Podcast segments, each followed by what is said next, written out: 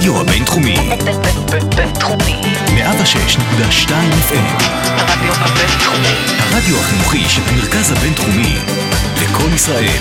106.2 FM. שלום לכל המאזינות והמאזינים וברוכים הבאים לפרק השלישי של הפודקאסט מדברות ירוק מבית קהילת חלאס פלסטיק ברדיו הבינתחומי. הפודקאסט שיעשה לכם סדר ויגלה לכם את האמת מאחורי הבעיות הסביבתיות בעולם. חלאס פלסטיק היא קהילה התנדבותית לחלוטין שמטרתה להעלות מודעות למשבר האקלים ולחשיבות של שמירה על איכות הסביבה באמצעים כמו חינוך, הסברה בצורה חיובית, אופטימית ומעונה.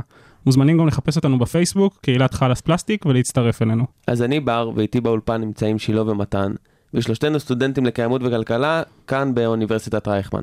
אז תראה בר, בזמן האחרון, מאז שאני פה לומד קיימות, המון חברים ואנשים שואלים אותי שאלות שקשורות לעולם הזה. מה זה משבר האקלים, מה זה התחממות גלובלית ומה קרה עכשיו בגלסגו. ואני מגלה שלמרות העיסוק הרב בתקשורת בזה, הם לא יודעים מה זה כל המושגים האלה. אז uh, האמת שאתה ממש צודק וגם אותי שואלים על זה הרבה. אז uh, בדיוק בגלל זה החלטנו לדבר בפרק הקרוב על ההתחממות הגלובלית, על ההשלכות שלה, על מה זה בעצם משבר האקלים, שהם הנושאים הכי חמים היום בשיח הסביבתי העולמי. ואת חלקם אנחנו אפילו מתחילים להרגיש כבר ביום יום שלנו. נכון, ובדיוק רציתי לספר לך שלפני כמה חודשים הלכתי לבקר חבר בהרי ירושלים, ובמקום לראות את הנוף היפה בדרך, את העצים הירוקים, הכל היה שחור והכל היה שרוף. וכשהגעתי למושב שלו, באמת ראיתי בתים שרופים, והוא סיפר לי שבקיץ האחרון כל היישוב פונה בגלל השרפות שקרו שם. אז באמת אה, הרבה אירועים בשנים האחרונות ממש מוכיחים לנו שמשבר האקלים כבר כאן. בואו ניקח דוגמה, כמו שאמרת, אה, את השרפות שהיו בהרי ירושלים בקיץ האחרון. שם נשרפו כ-14 אלף דונם, אה, שאנחנו מדברים פה על מיליוני עצים, אה, אלפי בעלי חיים, והנזק שמסתכם בערך ב-750 מיליון שקלים.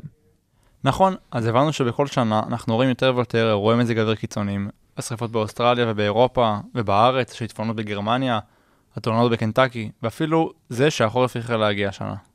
אז uh, באמת אין ספק שמשבר האקלים כבר כאן. אבל האם אנחנו יודעים מה זה בכלל משבר האקלים? מה זה אפקט החממה שכולם מדברים עליו? ומה אפשר לעשות בנוגע אליו? אז אם גם אתכם זה מעניין, תישארו איתנו ותגלו.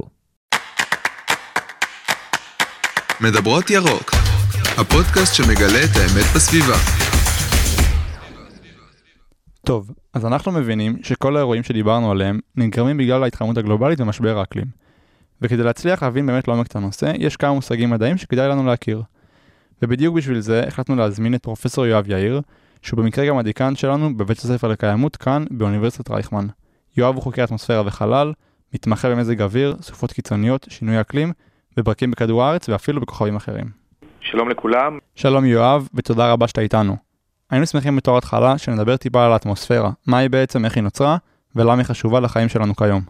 האטמוספירה זה שכבת הגזים אה, שמקיפה את כדור הארץ, או מקיפה כל כוכב לכת שיש לו אה, אטמוספירה, כלומר אה, אוסף או תערובת של גזים ששוכנת סמוך לפני השטח של כוכב הלכת, ומגינה על כל מי שנמצא על פני השטח, במקרה של כדור הארץ, מפני קרינות מסוכנות שמגיעות או מהשמש או מהחלל. כמובן, העובדה שבאטמוספירה של כדור הארץ יש חמצן מולקולרי מאפשרת uh, לבעלי חיים להתקיים כאן, לביוספירה המשגשגת והעשירה שלנו, והאטמוספירה היא באמת מעין פילטר שמגן עלינו מהחלל החיצון. בלעדיה, סביר שהפלנטה שלנו הייתה כמו הירח, שוממת, חסרת חיים, קפואה, לא מאוזנת ומקום מאוד מאוד עוין. אז בעצם אנחנו צריכים ממש לשמוח על זה שיש לנו אטמוספירה מאוד יציבה, שבזכותה אנחנו חיים פה, ואני מאמין אבל שעברה המון שינויים מאז שנוצר כדור הארץ, לא? כן, אז אני אסביר. אה, האטמוספירה שלנו, ההרכב שלה, עבר אמנם הרבה תהפוכות, אבל במאות מיליוני השנים האחרונות, מאז שהופיעו החיים והתחילה הפוטוסינתזה על ידי, בהתחלה יצורים חטאים ואחר כך צמחים, אה, ההרכב של האטמוספירה נשאר פחות או יותר קבוע, ללא שינוי במשך מיליוני שנים, ואומנם היו שינויים באקלים של כדור הארץ, אבל אלה מחזורים טבעיים שקשורים לשינויים בפרמטרים המסלוליים של כדור הארץ, כמו זווית הנטייה של הציר ביחס למישור ההקפה, שינויים מחזוריים בשמש, פעילות געשית שמכניסה אפר געשי לפעמים לאטמוספירה ובולמת חלק מקרינת השמש וגורמת להתקררות הפלנטה, כל אלה תופעות טבעיות ומחזוריות. אחלה, אז הבנו שבסך הכל האטמוספירה הייתה יציבה במשך מיליוני שנים, אבל היום אנחנו יודעים שזה לא המצב, מה השתנה? מה שהמין האנושי עשה מהמאה ה-19 בעת uh, גילוי מנוע הקיטור והתחלה של הפיכת דלקים מאובנים, כמו פחם, נפט וגז, למקור האנרגיה הראשי של כוכב הלכת הזה, של האנושות, זה שאנחנו שינינו את הרכבה הכימי של האטמוספירה. מאותו הרכב מקורי להרכב שהוא קצת אחר, ואנחנו רואים את השינוי הזה לנגד עינינו, בין היתר בשינוי בהרכב הכימי ובשכיחות הגדלה והולכת של גזי חממה. נסביר למאזינים מה זה גזי חממה. אלה משפחה של תרכובות, ביניהן פחמן דו-חמצני, מתאן, אדי מים, כלומר גזים, שנמצאים באטמוספירה של כדור הארץ, ואשר בולעים קרינת חום בצורה טובה, הרבה יותר מאשר המרכיבים האחרים של האטמוספירה, כמו למשל אה, חנקן וחמצן, שהם מרכיבים כמעט 90% מ- מהאוויר שלנו. כלומר, החומרים האלה, הגזי חממה, בולעים חום, בהשוואה למולקולות אחרות שאינן בולעות חום. עכשיו, ברגע שאנחנו מעלים את הריכוז ואת הכמות של גזי החממה באטמוספירה, יותר חום נשאר באטמוספירה. פשוט מאוד, והדבר גורם לעליית טמפרטורה, וזאת התופעה שעליה אנחנו מדברים, שינוי אקלים עולמי או התחוממות גלובלית. מעולה. אם כבר uh, עסקנו בהתחממות גלובלית, נשמח אם תוכל לדבר טיפה על ההשלכות של זה, על אירועי אקלים קיצוניים, האם ואיך הם קשורים ל, לכל התופעה שלך ותיארת, ובעצם מה, מה הבעיה פה, למה זה בעייתי בשבילנו. ובכן, אה, כן, כמו שאני אמרתי מקודם, יש תהליכים של שינוי אקלים מחזוריים, עידני קרח, שינויים בפרמטרים מסלולים של כדור הארץ, פעילות השמש וכדומה. אבל מה שאנחנו רואים בשנים האחרונות, ביתר שאת מראשית המאה הנוכחית, שנת 2000-2001, זה שהאקלים של כדור הארץ הולך ומתחמם בעקביות. הטמפרטורה מתחממת בוודאי ובוודאי לה, בהשוואה לתקופה הקדם-תעשייתית, כן? לפני שהתחלנו, אה, כמו שאמרתי, להוסיף דלקים מאובנים לאטמוספירה, אז העלייה הזאת מבשרת כמה דברים, שאחד התופעות שנלוות להם הן הריבוי של אסונות טבע ושל מאורעות מזג אוויר קיצוניים. למה זה קורה? משום שהאטמוספירה חמה יותר מכילה במשתמע כמות גדולה יותר של אדי מים, פשוט ההתאדות גדלה מכל האוקיינוסים ומקורות המים. אדי מים אה, באוויר יכולים להתעבות וליצור עננים. ככל שאתה אה, מכיל כמות גדולה יותר של אדי מים, אתה יוצר בסוף סופות ועננים הרבה יותר אה, חזקים ופעילים על כל תופעות מזג האוויר הנלוות אליהם, החל מטורנדואים, ברקים, ברד, רוחות וכמובן כמויות גשם ושיטפונות. ולכן הפן הזה של אה, שינוי אקלים מתבטא בעלייה דרמטית באירועים קיצוניים ובעוצמתם. מצד שני, לשינויים הללו יש גם ביטוי בדינמיקה הכוללת, כלומר בתבנית הזרימה העולמית של הרוחות ושל המערכות הסינופטיות, כלומר אותם שקעים ורמות ברומטריות שעליהם אנחנו שומעים בתחזית בטלוויזיה, אלה למעשה מערכות שמנהגות את מזג האוויר. ברגע ששינינו את מאזן האנרגיה, כלומר הוספנו יותר חום למערכת, גם התבנית העולמית של הזרימה משתנה, ובכן באזורים מסוימים אנחנו מקבלים הגברה של כמויות הגשם ושל סופות אה, עוצמתיות, כמו שאמרתי, ובצד השני אנחנו מקבלים בדיוק את ההפך. אה, התייבשות, גלי חום, יובש, בצורות, כל התופעות הללו, שאני לא אומר שהן היו נדירות בעבר, היו תמיד שנים אה, גשומות והיו תמיד שנים שכונות. נוכל לתת למאזינים דוגמה, למשל חלומו של פרעה, אותו פירש יוסף, על שבע הפרות הרזות ושבע הפרות הרעות, שהוא אמר לו שאלה שבע שנים אה, טובות ושבע שנים שכונות. זאת אומרת, יש מחזורים טבעיים וידענו עליהם מאז ומתמיד. אבל מה שאנחנו רואים עכשיו זה מגמה כמעט חד-כיוונית של החמרה בעוצמה ובתדירות של אירועי קיצון, והתחזיות של המודלים האקלימיים רק מבשרות אה, המשך המגמה הזאת. אוקיי, okay, אז מה שאתה אומר בעצם זה שההתחממות שקורית עכשיו היא לא חלק מהתופעות המחזוריות שדיברנו עליהן בהתחלה, אלא היא מגמה חריגה וחד-כיוונית שהולכת רק לכיוון של התחממות. ועכשיו אני אשמח אם תוכל לקשר את זה לנו כישראלים, מה זה משנה כל הסיפור הזה? אז הבנתי שיהיה יותר זופות בחורף ויותר שרב בקיץ, אבל מה זה אכפת לנו? ואם תוכל גם להתייחס בתשובה שלך לסוגיות פוליטיות כמו פליטי אקלים לדוגמה. קודם כל, ישראל היא, היא אולי מוקפת אה, מדינות אה, לא ידידותיות, אבל האקלים לא מבחין בינינו לבין ירדן ומצרים או סודאן ועיראק. זאת אומרת, אה, לאקלים אין גבולות, ולכן שינוי האקלים הוא לא רק בישראל, אלא הוא משפיע על כל המרחב הגיאופוליטי שסביבנו. ואתה יודע, היציבות של מדינות תלויה באמת ביכולת שלהן להעניק לאזרחים את מה שהאזרחים צריכים, הגנה, מזון, מים, ביטחון. כשמדינות אה, כושלות, כמו למשל אריתריאה, סודאן או סומליה או סוריה לנגד עינינו אה, ועיראק, אה, הדבר מתבטא באי יציבות גיאופוליטית, עלייתן של תנועות טרור, שלא תמיד נשאר בגבולות המדינה, אלא לפעמים מיוצא למדינות שכנות, הפרה של הריבונות, מאבק על משאבים, על מים, על מזון, על אנרגיה.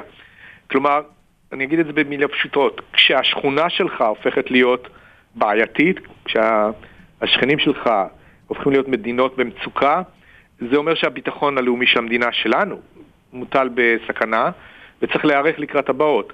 אחת התופעות שאתה ציינת בשאלה שלך, פליטי אקלים, היא תופעה לא חדשה, שהרי אנחנו מכירים אותה, כמו שאמרתי, אה, עוד מימי התנ"ך, כן? יעקב ובניו ירדו מצרימה כי כבד הרעב בארץ כנען.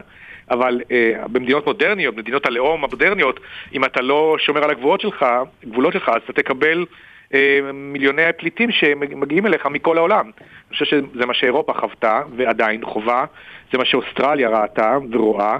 אה, כלומר, פליטי אקלים זה דברים שהולכים לקרות בתדירות גדולה והולכת, וזה גם איום על הביטחון הלאומי וכמובן על המרקם החברתי של מדינת ישראל, שיכול ליצור מה, אתה יודע, אה, עומס כלכלי בלתי נסבל, אם נצטרך פתאום לטפל בעוד מאות אלפי אנשים שפשוט יקומו ויתחילו ללכת ברגל מירדן או דרומה מסוריה לכיוון ישראל, לא נוכל להרוג אה, אלפי אזרחים על הגבול, חס וחלילה, נצטרך למצוא מענה למשבר ההומניטרי הזה שמתגלגל לעברנו כתוצאה משינוי האקלים.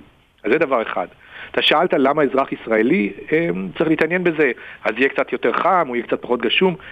זה קשור, כמו שאמרתי, לביטחון הלאומי, אבל גם לחוסן ולעצמאות הכלכלית של המדינה. למשל, אם לא יהיו פה אה, מספיק משקעים ולא נתפיל מספיק מים, לא נוכל לגדל לעצמנו אוכל, נהיה תלויים לחלוטין ביבוא של מזון ממדינות העולם, וגם זה, אתה יודע, יכול להיות אה, תלוי בנסיבות פוליטיות. אם יחליטו להחרים אותנו חלילה, מסיבות כאלה ואחרות, אה, אז לא יהיה לנו אוכל משל עצמנו, כנ"ל אנרגיה וכנ"ל מים. כלומר, כל הנושאים האלה הם כרוכים זה בזה, והחוסן הלאומי של המדינה, היכולת להעניק ביטחון, רמת חיים, השכלה, אנרגיה ומזון, הן כרוכות זו בזו, וכולן מושפעות משינויי האקלים אה, שמתרחשים במדינה, ולכל אזרח, בטח לאזרחים הצעירים שיחיו כאן עמוק אל תוך המאה ה-21 על שלל השינויים שהם ירגישו, אה, חייב להיות אכפת, והם חייבים לבקש מהממשלה מדיניות ברורה, פרואקטיבית, יזמית, לפתרון המצוקות העתידיות הללו. וואו, אז אתה אומר בעצם שחוץ מהשינוי של האקלים עצמו בישראל, תהיה גם תגובת שרשרת שתכלול את כל המדינות באזור, וזה עוד לפני שבכלל דיברנו על זה שהאקלים פה מתחמם מהר יותר משאר העולם. כן, כל המזרח התיכון, ולא רק ישראל, בהמשך לשאלה הקודמת, הם אזור שבו שינוי אקלים מורגש ביתר שאת ובמהירות יותר גבוהה מאשר ביחס לעולם. למשל, אם אנחנו מסתכלים על ממוצע עולמי, כל כדור הארץ, הטמפרטורה של פני השטח עלתה במעלה נקודה אחד, צלזיוס ביחס לעידן הקדם תעשייתי. כלומר, ב-150 שנה התחממות גלובלית של מעלה נקודה אחד. בישראל התחממנו במעלה וחצי ב-30 שנה. קצב הרבה יותר מהיר והתחממות הרבה יותר חזקה. אנחנו גם רואים אה, שכמות הימים החמים באופן כללי וימי השרב, כלומר ימים בהם הטמפרטורה מעל 33 מעלות, אה, כמות הימים הללו גדלה משנה לשנה, וגם הרצף של ימי שרב הולך ומחמיר. כלומר, אנחנו רואים אה, בישראל את טביעת האצבע של שינוי האקלים הרבה יותר חזק והרבה יותר מהר מאשר בשאר העולם ובשאר המזרח התיכון, ולכן אנחנו באמת מה שנקרא climate change hot spot, אה, ואני רוצה להגיד שזה לא הולך להיעלם. כלומר, המגמות הללו אה, לא הולכות להיעלם, והן תלווינה אותנו עד לאמצע המאה אה, הנוכחית, וחומרתן תלויה הרבה מאוד במה שנעשה עכשיו, באיזה מדינ... מדיניות גלובלית של אנרגיה אה, המדינה תבחר, ומדינות העולם כולו תסכמנה על איזושהי מסגרת לצמצום פליטת גזי חממה כדי להקטין את חומרת הבעיה. מעולה. Um, לפני כמה שנים היו הרבה דיבורים על החור באוזון ועל ההשלכות שלו. נשמח אם תוכל uh, לספר לנו איפה המצב עומד כיום ומה בעצם היה הסיפור שם בקצרה. כן, הידלדלות שכבת האוזון היא תופעה שהתגלתה ב-1985, לפני הרבה מאוד זמן, על ידי קבוצת חוקרים באנטארקטיקה, בריטים, ששיגרו בלונים אשר מדדו את ריכוז האוזון בסטרטוספירה.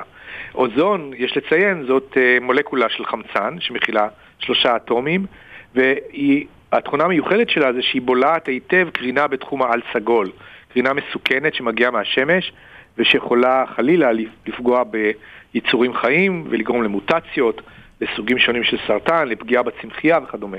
אז יש לנו שכבת הגנה כזאת. ובאמצע, בסוף שנות ה-80 של המאה הקודמת, גילו שהשכבה הזאת, בייחוד באזור אנטארקטיקה, קוטב הדרומי, אבל לא רק שם, מתחילה להידלדל עד שבחודשים מסוימים, ספטמבר ואוקטובר, היא כמעט נעלמת לחלוטין, מה שכאמור מאפשר חדירה של קרינה על סגולה מהשמש עד לפני השטח. בשעה שבתנאים נורמליים, רוב הקרינה הזאת נבלעת בגובה שבין 15 ל-40 קילומטר. וההיעלמות של שכבת האוזון הייתה כולה מעשה ידי אדם, כתוצאה מפליטה של חומרים מסוימים שנקראים כלורו-פלואורקרבונים, CFCs. במשך עשרות שנים החומרים הללו נפלטו ללא הפרעה ממזגנים, ממקררים, תעשיית הצבע, תעשיית המזרונים ועוד uh, כל מיני שימושים שהחומרים האלה שימשו בתעשייה המודרנית. רק uh, איש לא סבר שהם מזיקים, כי הם לא רעילים, הם לא דליקים, הם לא עושים כלום. כך חשבנו לפחות. עד שהתגלה ההידלדלות הפתאומית הזאת של שכבת האוזון, וכימאים שניתחו את התוצאות הבינו שזו תוצאה של החומרים הללו שפשוט מכרסמים בשכבת האוזון, הורסים את היציבות שלה וגורמים להיעלמותה. אה, כתוצאה מהתגלית הזאת, באופן די מהיר נחתמה אה, אמנה בינלאומית, אמנת אה, מונטריאול, 1986, ואחר כך בוצע תיקון, תיקון וינה 1990, שהבטיחו שמדינות העולם התחייבו להפסיק לייצר את החומרים הללו, להפסיק לשווק אותם ולהפסיק להפיץ אותם. ולכן אנחנו עדים אה, קודם כל לכוח של אמנות בינלאומיות, כי באמת מדינות חתמו ומקיימות את האמנות הללו. ב', אנחנו רואים באמת שיפור במצבה של אה, שכבת האוזון, ואנחנו רואים אה, התאוששות איטית והדרגתית אה, אל תוך המאה ה-21, כשיש תקווה שעד שנת 2040 אה, החור באוזון יהפוך לנחלת ההיסטוריה, ולא יקרה יותר. בתקווה באמת שזה יתרחש. ועכשיו שאלה אחרונה לסיום, שאלה קצת יותר אישית. איך אתה בעצם חווה את התפקיד שלך בתור הדיקן של בית ספר לקיימות? יש עתיד בנושא? יש סיבה לאופטימיות או שכולנו צריכים להיות עצובים מעכשיו? לא, לא, אנחנו, אנחנו, אני מאוד אופטימי, ואם לא הייתי אופטימי לא הייתי בא להיות אה, דיקן בית ספר. אה, אני חושב שזה אחד התפקידים המרכזיים שלי, להציג תמונת עולם לא ורודה מדי, ריאלית, אה, אבל גם לא שחורה מדי, לא פסימית, ולהצביע על הבעיות ועל הפוטנציאל לפתרון שלהן. וכמעט כל יום אני קורא בעיתונים על איזה מיזם חדש, על איזה סטארט-אפ גאוני, על איזה פתרון אה, שהולך לכיוון הזה. הנה הידיעה האחרונה זה על אה, ביל גייטס וממשלת סינגפור, קרן החדשנות של סינגפור, שמשקיעות מאות מיליוני דולרים בחברה ישראלית שהולכת להפיק אה, דלק מימני, שהוא דלק נקי וידידותי לסביבה. זאת אומרת, הפוטנציאל באמת של start-up nation להיות climate tech nation הוא אדיר, ואני סומך על, ה, על הרוח הישראלית, ואני חושב שהתפקיד שלי כדיקן הוא באמת להכשיר סטודנטים עם רעיונות ומוטיבציה לפתור את הבעיות האלה, כי אה, זה צו השעה. זאת אומרת, אני לא מזלזל בדברים אחרים, אבל אה, מנקודת מבטי כדיקן, צו השעה, ובאמת זה צו שמונה, חייבים להתגייס ולפתור את הבעיות של הפלנטה הזאת, כי אחרת המצב יהיה באמת אה, קשה עד בלתי נסבל. אז תודה רבה לפרופסור יואב יאיר שהצטרף אלינו, מעבר קצר ומיד ממשיכים. מדברות ירוק, הפודקאסט שמגלה את האמת בסביבה. אוקיי, okay, אז אה, אחרי שבעצם אה, יואב גם עזר לנו אה, להבין יותר טוב מה זה אטמוספירה, מה הם גזי חממה, ואפילו למה האטמוספירה כבר לא כל כך עושה את התפקיד שלה, וכבר אמרנו בהתחלה בעצם שהכל התחיל במהפכה התעשייתית, ובעצם הכל נגרם על ידינו, בני אדם. וגם בתקופה האחרונה אנחנו שמים לב שהנושא הזה מדאיג המון אנשים, ואנשים רוצים לדעת מה אפשר לעשות. אז בואו ניקח לדוגמה את המקרה האישי אה, שלי. אז אני טס בערך פעם בשנה, והאמת שאפילו לאחרונה קניתי קורקינט חשמלי ואני נוסע איתו לאוניברסיטה ונסיעות קטנות בתוך העיר, ואפילו אני כבר יכול להרשות לעצמי למכור את האוטו, כי אני לא באמת צריך אותו.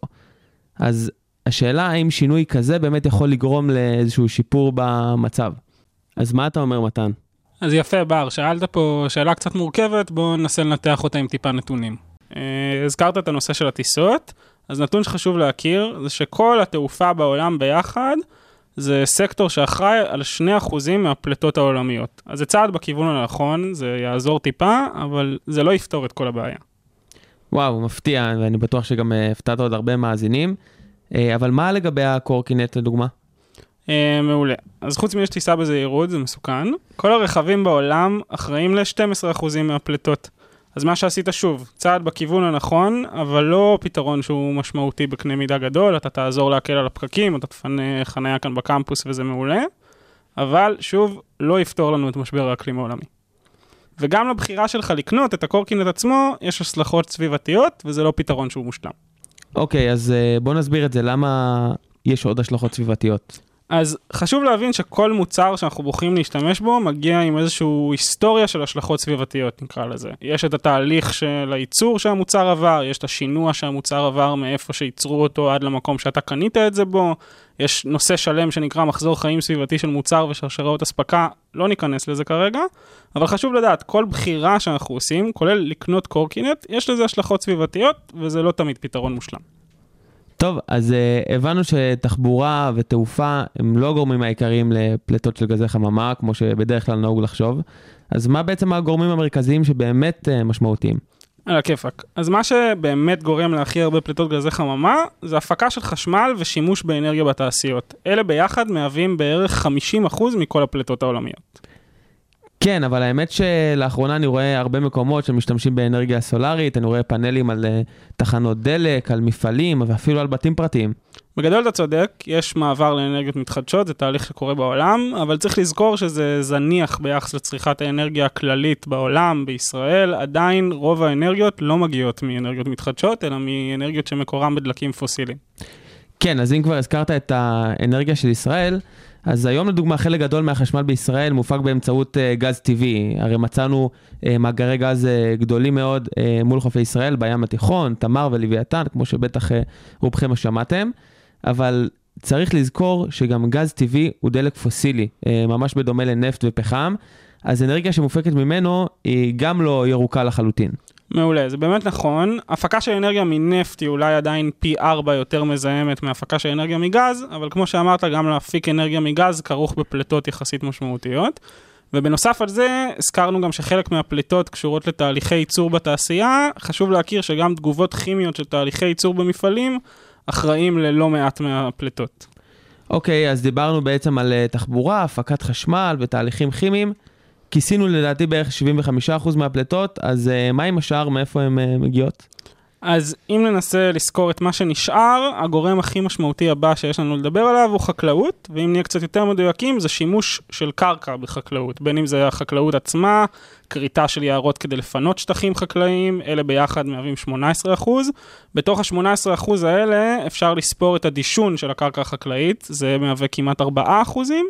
ואם ניקח את כל הנושא של חקלאות, יש גם חקלאות של משק חי, של אה, בקר, של עופות. אז חשוב להבין שכל הנושא הזה של אה, משק חי, של גידולים של בעלי חיים, זה תחום שלם שמונע מאינטרסים, ולהצליח להביא פה נתונים מדויקים זו משימה כמעט בלתי אפשרית.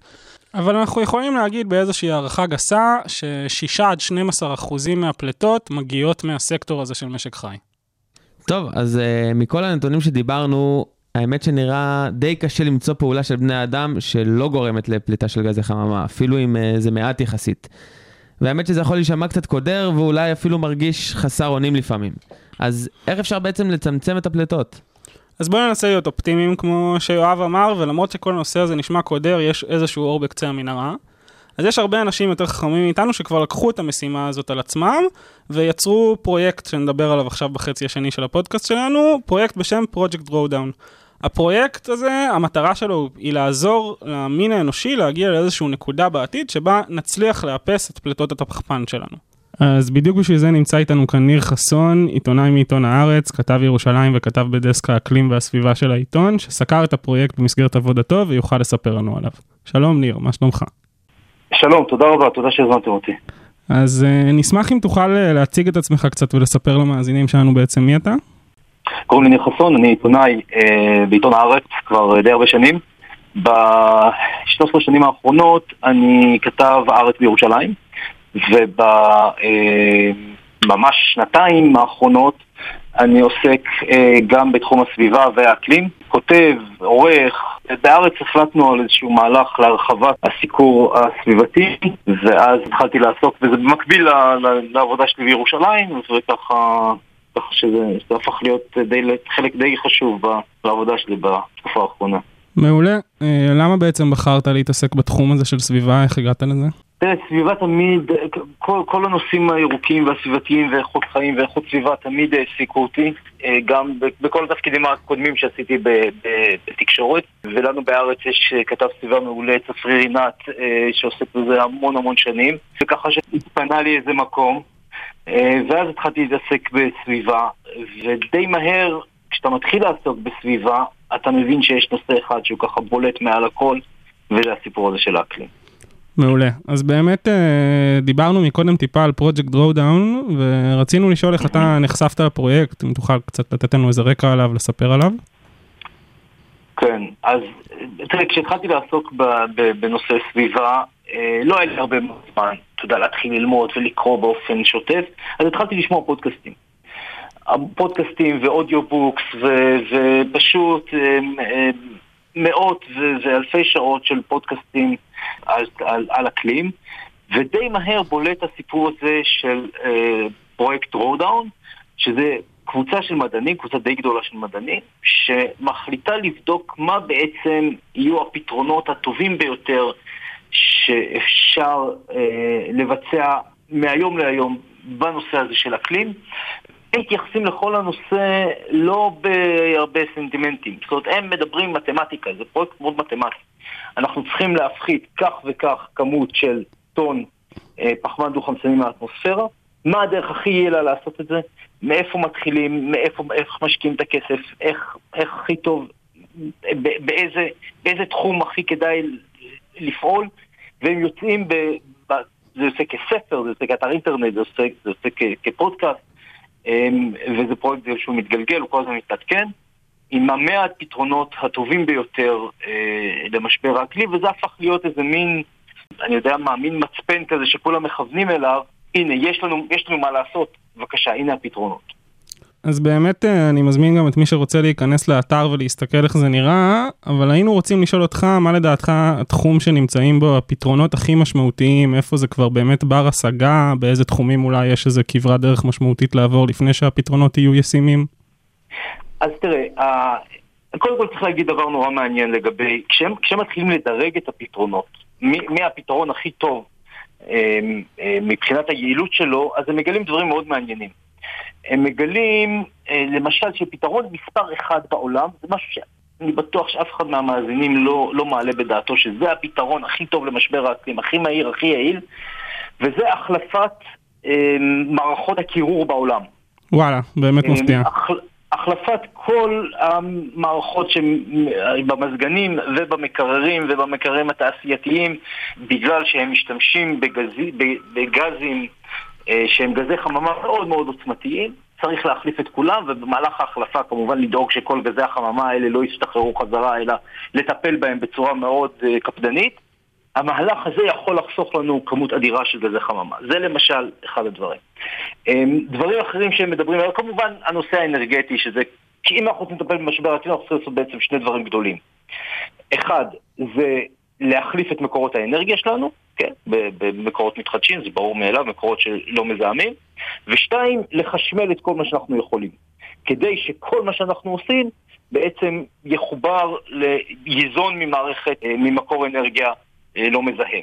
זאת אומרת, לחשמל את כל התחבורה ואת כל התהליכים התעשייתיים, וכל מה שאפשר לעשות בחשמל, לעשות בחשמל.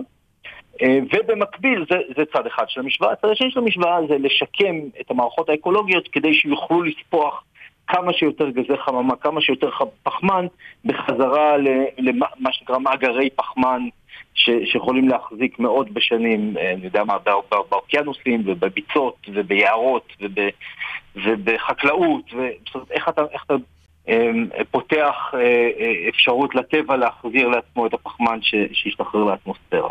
ואז בתוך, בתוך המכלול הגדול הזה, אז הם מדברים כמובן על אנרגיית רוח ואנרגיית שמש ודודי שמש וחימום, וחימום ישיר של מים וחקלאות אה, מתקדמת שמשתמשת מה שנקרא דו-שימושיות, שאתה על אותו שדה גם שם לוח סולארי וגם אה, עושה מרעה או דו-שימושיות בסוג אחר. שיש לך יער שבתוכו אתה מגדל דברים, זאת אומרת אה, ניצול קרקע הרבה יותר טוב, בידוד של מבנים כדי למנוע אה, אובדן אנרגיה במבנים, כל נושא התחבורה והמיקרו-תחבורה, איך אתה מעביר אנשים לאופניים ול- ולרכבים פחות מזהמים. אה, כמובן כל תחום המזון והמעבר למזון צמחי ככל שניתן. ובאמת, אני מאוד ממליץ להיכנס לאתר, הוא מאוד מרחיב אופקים, כי הוא, חושב על, על, על הנושא מכיוונים של, שלפעמים מפתיעים. אני אתן לך דוגמה נוספת. הפתרון השישי בחשיבותו, אה, לפני אפילו אה, חוות אה, סולריות, זה חינוך ילדות. אתה אומר, מה הקשר בין חינוך ילדות לבין משבר האקלים, במה זה יעזור לנו? באמת לא אז- ברור. אז לפי המחקרים, אנחנו יודעים שככל שילדות, במיוחד בחברות נחשלות, זוכות להשכלה טובה יותר, כך יהיו להם אה, פחות ילדים, הילדים שלהם יהיו בריאים יותר. נשים בעלות השכלה הם, כלי סוכן מאוד חשוב ב- ב- בהכנסת שינויים. אני אתן לך דוגמה, למשל, יש גורם מזהם נורא חזק שזה תנורים מסורתיים, פשוט אנשים ששורפים עץ ופחם כדי לבשל. אם אנחנו רוצים לכבות את התנורים האלו כדי למנוע את השחרור של, של הפחמן, אנחנו צריכים שיהיה לנו מול מי לעבוד, ארגונים הבינלאומיים, לתאגידים הגדולים. ו- ובשביל זה נורא טוב אם האנשים יהיו, יהיו עם השכלה יותר טובה. זה למשל דוגמאות, דברים כאלו. אז בקיצור זה באמת פרויקט מאוד מרחיב, מרחיב דעת כזה במובן של איך שהוא מתייחס לנושא. יש שם גם את הדברים הקלאסיים של, כמו שאמרתי, סולאר ו... ומעבר לתזונה צמחית יותר וכל הדברים הרגילים, אבל יש שם גם דברים שהם מאוד מפתיעים ולא רגילים. אז באמת אה, רצינו לשאול שאלה אולי על חלק מהדברים הקלאסיים שנגעת בהם, כמו המעבר לאנרגיות מתחדשות. אה, אנחנו גם תלמידי כלכלה, ומאיך שאנחנו רואים את זה, באמת אחד מהמכשולים במעבר לאנרגיות מתחדשות ולפתרונות סביבתיים יותר, זה העניין של הכדאיות הכלכלית. והפרויקט אה, מתייחס לזה, הוא סוקר את, הפותר, את הפתרונות, נכון. בין היתר גם מבחינה כלכלית. אז רצינו נכון. לשאול איזה פתרונות שקיימים היום אתה חושב שהם באמת uh, sustainable מבחינה כלכלית, מה כבר רווחי, מה לא נמצא שם והפסדי. הדבר הכי לא כלכלי זה business as usual. להמשיך כרגיל זה התאבדות חברתית, כלכלית, פוליטית, פיזית ממש, זה, זה, זה מיליונים שעלולים לאבד את חייהם. אה, זאת אומרת שחייבים להכניס את זה למשוואה.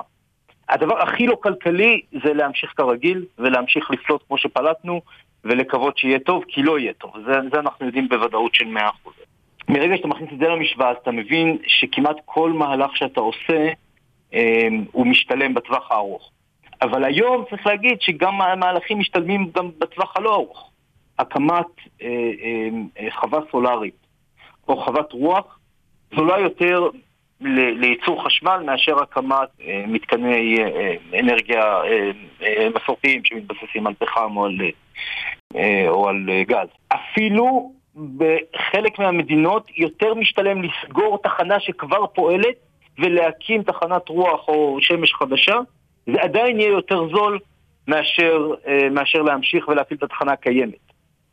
אה, אנחנו יודעים שמחירי הסולר, החשמל הסולרי התרסקו ממש, בעשור האחרון הם ירדו, אם אני זוכר נכון, משהו כמו 90 אחוזים אה, ירידה במחירים, זאת אומרת, הדברים האלה נהיו מאוד משתנים. אנחנו רואים תחומים כמו התחבורה, שזו מהפכה שכבר קורית לדעתי, אי אפשר יהיה לעצור כבר את החשמול של, אה, של כלי הרכב.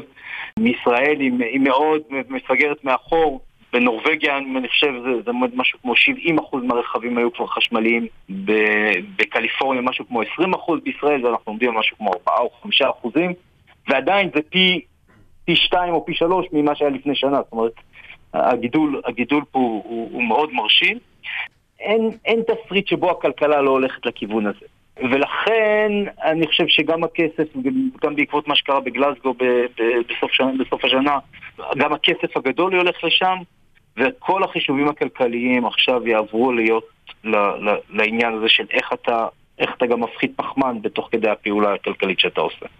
מעולה, אז אה, אנחנו באמת מקווים שזה הכיוון. הזכרת מקודם את ישראל, והיינו שמחים לשמוע אולי את התובנות שלך לגבי איפה אנחנו נמצאים ביחס לעולם בתחומים האלה של אה, טיפול בשפכים, בנייה ירוקה, מכוניות חשמליות שהזכרת. איפה אנחנו אולי ביחס למדינות שקצת יותר בכיוון, איפה אנחנו כן טובים? אז זהו, אז אה, צריך להגיד, ביחס למדינות שאנחנו רוצים להידמות אליהן, כן, מדינות מערביות, אני לא רוצה להשוות את עצמנו למדינות uh, אחרות. Uh, ביחס למדינות כאלו אנחנו לא במצב טוב. לא במחויבות שלנו ולא בהתקדמות, בקצב השינויים שאנחנו, שאנחנו מצליחים להכניס. הייתה מחויבות שנגיע לעשרה אחוז אנרגיה מתחדשת ב-2021, הגענו בקושי שישה אחוז. אין לנו תירוץ. כאילו, זה לא שאנחנו מדינה ענייה או נכשלת, וזה לא שחסר לנו שמש, וזה לא שחסרה לנו הטכנולוגיה. ישראל לא פעלה מספיק מהר, ההנהגה פה לא, לא, לא הבינה את גודל השעה. אמ, נשמע לפעמים התירוץ הזה של טוב, אנחנו ממילא קטנים מדי להשפיע, שהוא, שהוא אמ, אמ, תירוץ בעיניי, א', לא נכון, כי אנחנו בכלל לא קטנים. זאת אומרת, ישראלים אוהבים לחשוב על עצמם כעל מדינה קטנה, אבל אנחנו מדינה בכלל לא קטנה, אנחנו במקום המאה בעולם מבחינת המדינות, אנחנו במקום החמישים בעולם מבחינת הפליטות. זאת אומרת, שאם אנחנו קטנים מדי, אז מה זה אומר? אז כל 150 המדינות שיותר קטנות מאיתנו גם לא צריכות לעשות שום דבר? זה, זה טיעון שהוא, שהוא, שהוא, הוא חרפה בעיניי. יש תחומים שבהם ישראל, אה, אני יודע שבדרודן ישראל מוזכרת בשני מקומות. היא מוזכרת כמובן בשפכים, ישראל היא אלופת העולם בטיהור שפכים ועל זה באמת מגיעה אה, לנו טפיחה קטנה על השכם. אה, אם אני זוכר נכון את המספרים זה משהו כמו, ישראל ממחזרת משהו כמו 80% מהשפכים שלה, היא במקום הראשון, במקום השני נמצאת ספרד עם 30%. זאת אומרת אין אף מדינה שאפילו מתקרבת לה. ליכולות של ישראל בטיהור שפכים, שזה, שזה באמת מרשים. אמ, בנייה ירוקה, אנחנו, אני חושב, הרחק מאחור, אמנם עבר תקן בנייה ירוקה, אבל זה עדיין לא, לא מספיק, והוא תקן לא מספיק אה, חזק, זה עדיין נושא ש, שצריך עוד ל, ל, ל, להשתנות עוד. אה, אנרגיה, דיברנו קצת, שאומנם נכנס, יש, יש מחויבויות יותר ברורות לקראת 2030, אבל כרגע לא נראה שאנחנו עומדים בקצב אפילו של ההתחייבויות הקודמות, אז, אז זה לא כל כך מבטיח. תראה, קרה לישראל, אה, זה מצחיק להגיד את זה, כן? במרכאות קרתה לנו תקלה ומצאנו את הגז. שהגז הוא טוב, כן? הוא הרבה יותר טוב מהפחם, אני לא, לא מכחיש את זה, אבל, אבל קצת התאהבנו בגז יותר מדי. ובגלל זה זה האט אותנו, והעיניים שלנו לא נפקחו מספיק מהר להבין שהגז הוא גשר, הוא רק, הוא רק מעבר לקראת האנרגיה הבאמת אה, עתידית, שזו האנרגיה המתחדשת. מילה אחרונה, צריך להגיד שבכל נושא החדשנות הישראלית כן יש דווקא החברות הפרטיות הישראליות, הסטארט-אפים, כן הם במצב אה, אה, יותר, הן מתקדמות יחסית, ויש שם, שם כמה חברות מאוד מעניינות, אני חושב, גם בתחום האנרגיה, גם בתחום המים, גם בתחומים אחרים, אז שפה גם אפשר, אפשר אה, לתת לנו איזה נקודה טובה. כן, אז בואו נקווה אולי שבאמת ה start-up nation הישראלי יצליחו לתת תוצאות גם בתחומים האלה. אולי איזו שאלה רגע לפני סיום, היינו רוצים לשמוע איך אתה יכול להמליץ למאזינים ולמאזינות שלנו בתור אה, אזרחים קטנים, לא בתור תעשייה שמייצרת אנרגיה מתחדשת, איך הם יכולים להשפיע ברמת הפרט. אז קודם כל אני רוצה למחות על השאלה. כי היום בשיח המתקדם של האקלים די ברור ודי הוכח שהעברת האחריות מהממשלות והתאגידים לאנשים הפרטיים זה לא מקרי. היה מי שדאג להעביר אלינו את האחריות ולהאשים אותנו בזה שאנחנו אוכלים המבורגר, נוסעים בג'יפ או טסים לחופשה, אתם אשמים במשבר האקלים. ואם רק תחסכו קצת, ואם רק תוותרו על ההמבורגר, ואם רק תעברו ל- לרכב היברידי, המצב יהיה הרבה יותר טוב. וזה, וזה טעות נוראית. זאת אומרת, היה מי שדאג, היה מי שרצה להעביר את האחריות, וזה נעשה באופן שיטתי ומאורגן, להעביר את האחריות, לא, בואו לא נדבר על חברות הנפט, בואו לא נדבר על הממשלות, בואו נדבר על מה האדם הפרטי אה, צריך לעשות, וחברות הנפט עשו את זה בצורה מאוד מושכלת. אחד השיאים של הדבר הזה, שזה חברת בריטיש פטרוליום, חברת הנפט הענקית, אחת מענקיות הנפט העולמיות, מפרסמת באתר האינטרנט של המחשבון פחמן, מחשבון טביעת רגל פחמנית, שאתה יכול לחשב לעצמך כמה פחמן דו-חמצני אתה פולט, כן? בחייך. לפי גודל הבית, לפי גודל הרכב, לפי כמה אתה נוסע, לפי מה אתה אוכל. שזה חוצפה, תסלח לי, כן? המ- המ- המזהמת הגדולה ביותר בעולם, שאחראית לאסונות אקולוגיים ברמות פלנטריות, אה, מפילה עלינו את האחריות שאנחנו אוכלים את ההמבורגר השבועי שלנו. עכשיו, איך אני גם יודע שזה לא נכון? כי אמ, תיקח, תיקח לדוגמה את חוק השקיות. אוקיי. אנחנו- אתה יכול לעשות קמפיין ענק, להפסיק לצרוך שקיות ולהפסיק להשתמש בפלסטיק, ואתה תצליח להפחית כמה אחוזים. הממשלה מעבירה חוק עלוב מאוד לדעתי, כן? רק של 10 אגורות לשקית, שלא באמת פוגע באף אחד. אמ, ו- וצריכת השקיות נופלת ב-70 אחוז. זאת אומרת, הכוח לא נמצא בידיים שלנו. לכן, לשאלתך, הדבר הטוב ביותר שאתם יכולים לעשות למען משבר האקלים זה לצאת להפגין. זה לדבר על משבר האקלים, למחות, לכתוב לחברי הכנסת להצביע נכון, לא להצביע למפלגות שלא, שלא אה, שמות את משבר האקלים במקום הראשון או השני באג'נדה שלהם. מוועד הבית דרך אה, הצבעה לראשות העירייה ועד, ל- ועד לכנסת. חוץ מזה, סליחה שאני מעריך טיפה.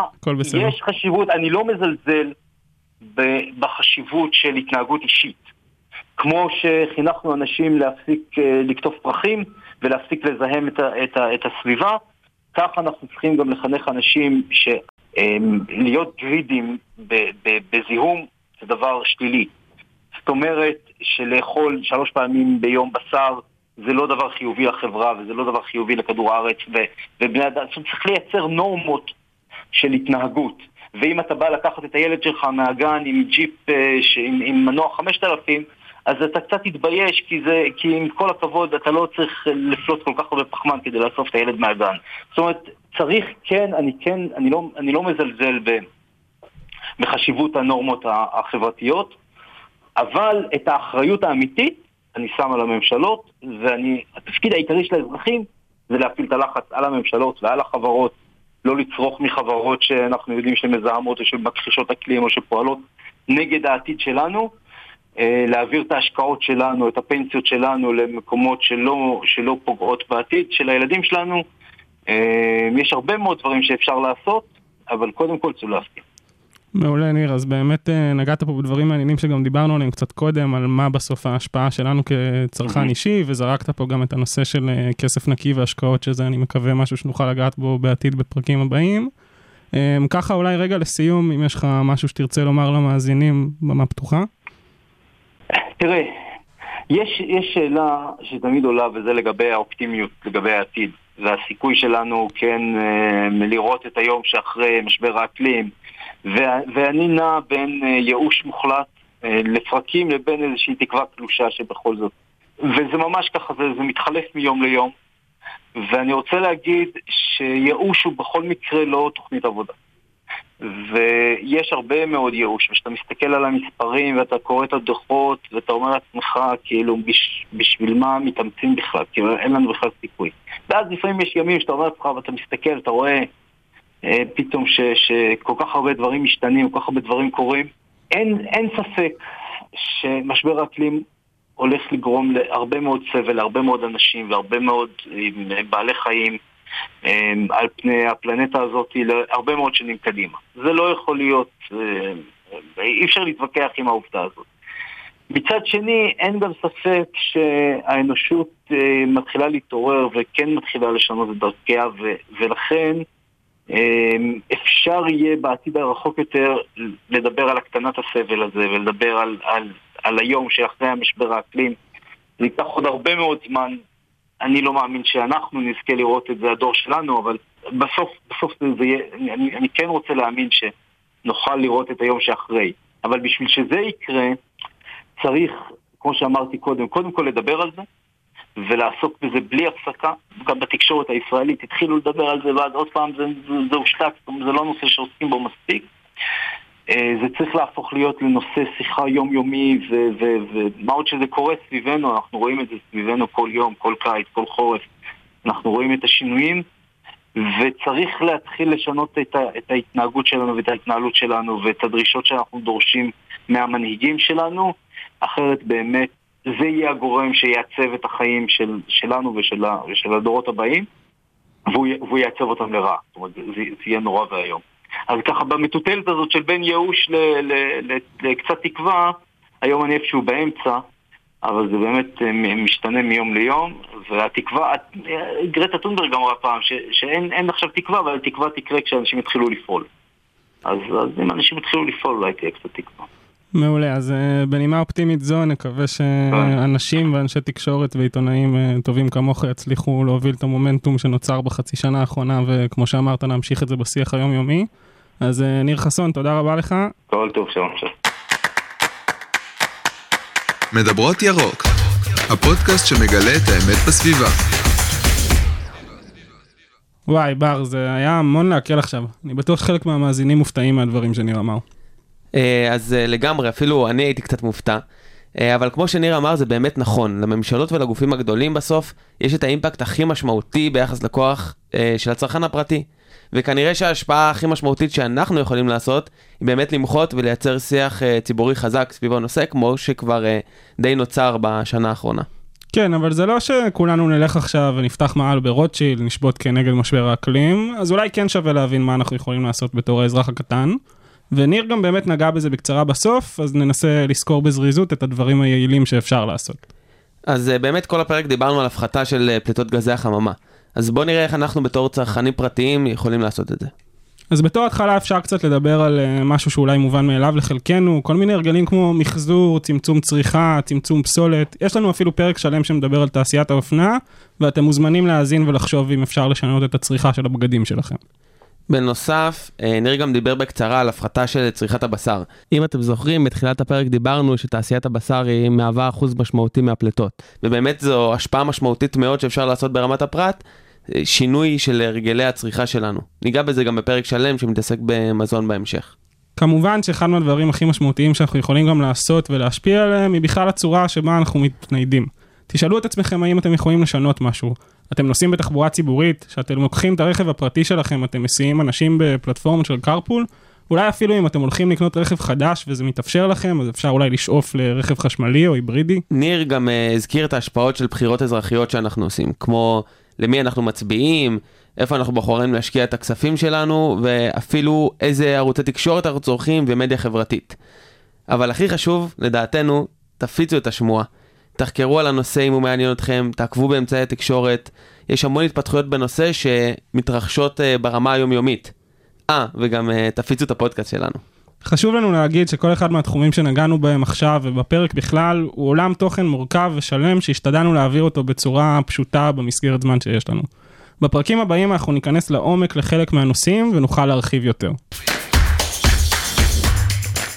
טוב, אז אה, תודה רבה שהאזנתם לנו בפרק על משבר האקלים. אנחנו היינו בר שילה ומתן בפודקאסט מדברות ירוק של הרדיו הבינתחומי, וניפגש בפרק הבא. מדברות ירוק, הפודקאסט שמגלה את האמת בסביבה.